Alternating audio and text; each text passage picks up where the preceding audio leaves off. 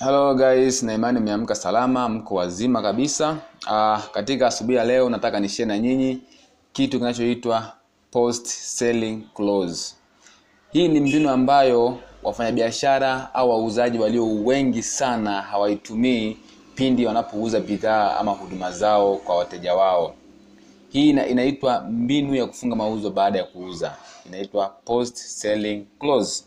Sasa hii inafanyaje kazi? Kwa mfano, kama unauza bidhaa ama huduma then mteja akaja akanunua bidhaa ama huduma yako, jitahidi kuchukua mawasiliano yake, then baada ya mteja huyo kuondoka, aidha jioni au muda wote ule, mtumie ujumbe wa kumshukuru kwa kufanya maamuzi sahihi na kumwahidi kwamba utakuwa na yeye bega kwa bega kwa kila hatua ambayo atakuwa anaitumia pindi anapotumia bidhaa ama huduma yako, na awe free kukupigia simu muda wowote kwa ajili ya ushauri na uh, maelekezo juu ya bidhaa ama huduma endapo atakwama sehemu. Okay? Kwa hiyo hii ni mbinu ya muhimu sana ambao wauzaji wengi wanaipuuza, lakini ukifanya hivyo utajitenga na ushindani na watu watakufata kila siku kama mshauri wao juu ya bidhaa ama huduma ambayo unaiuza.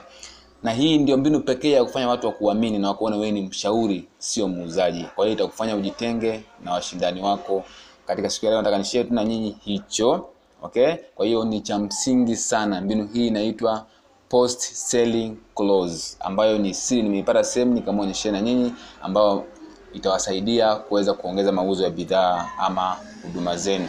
Asanteni sana, na vile vile kama hujapata kitabu cha pili, basi jitahidi upate kitabu kinachoitwa Sumaku ya MLM, na kama kuna baadhi yenu ambao wameshanunua, wapo wengi tu, mnge mngewaambia vitu vilivyomo ndani. Okay, kwa hiyo ni kitabu ambacho ukishakipata na kile utakuwa umekamilika. Baada ya kuvimaliza, utaweza kuuza bidhaa ya aina yoyote nje na ndani ya mtandao. Okay, kwa hiyo ni kitu cha msingi sana. Kwa hiyo jitahidini, kwa wale ambao walichukua kitabu kimoja then hajapata cha pili cha Sumaku ya MLM, basi jitahidi uweze kupata kitabu, kwa sababu baada ya kupata kitabu hicho cha M Sumaku ya MLM uta, uta, utajifunza mbinu za kuuza bidhaa ama huduma yako katika maseminars mbalimbali, kwa sababu tunajua wajasiriamali wengi wana, wanaitisha seminars eh, matamasha mbalimbali. Kwa hiyo jinsi ya kuuza bidhaa zao katika matamasha na watu wakanunua, hiyo ni baadhi tu ya vitu ambavyo utajifunza katika kitabu hicho. Asanteni sana.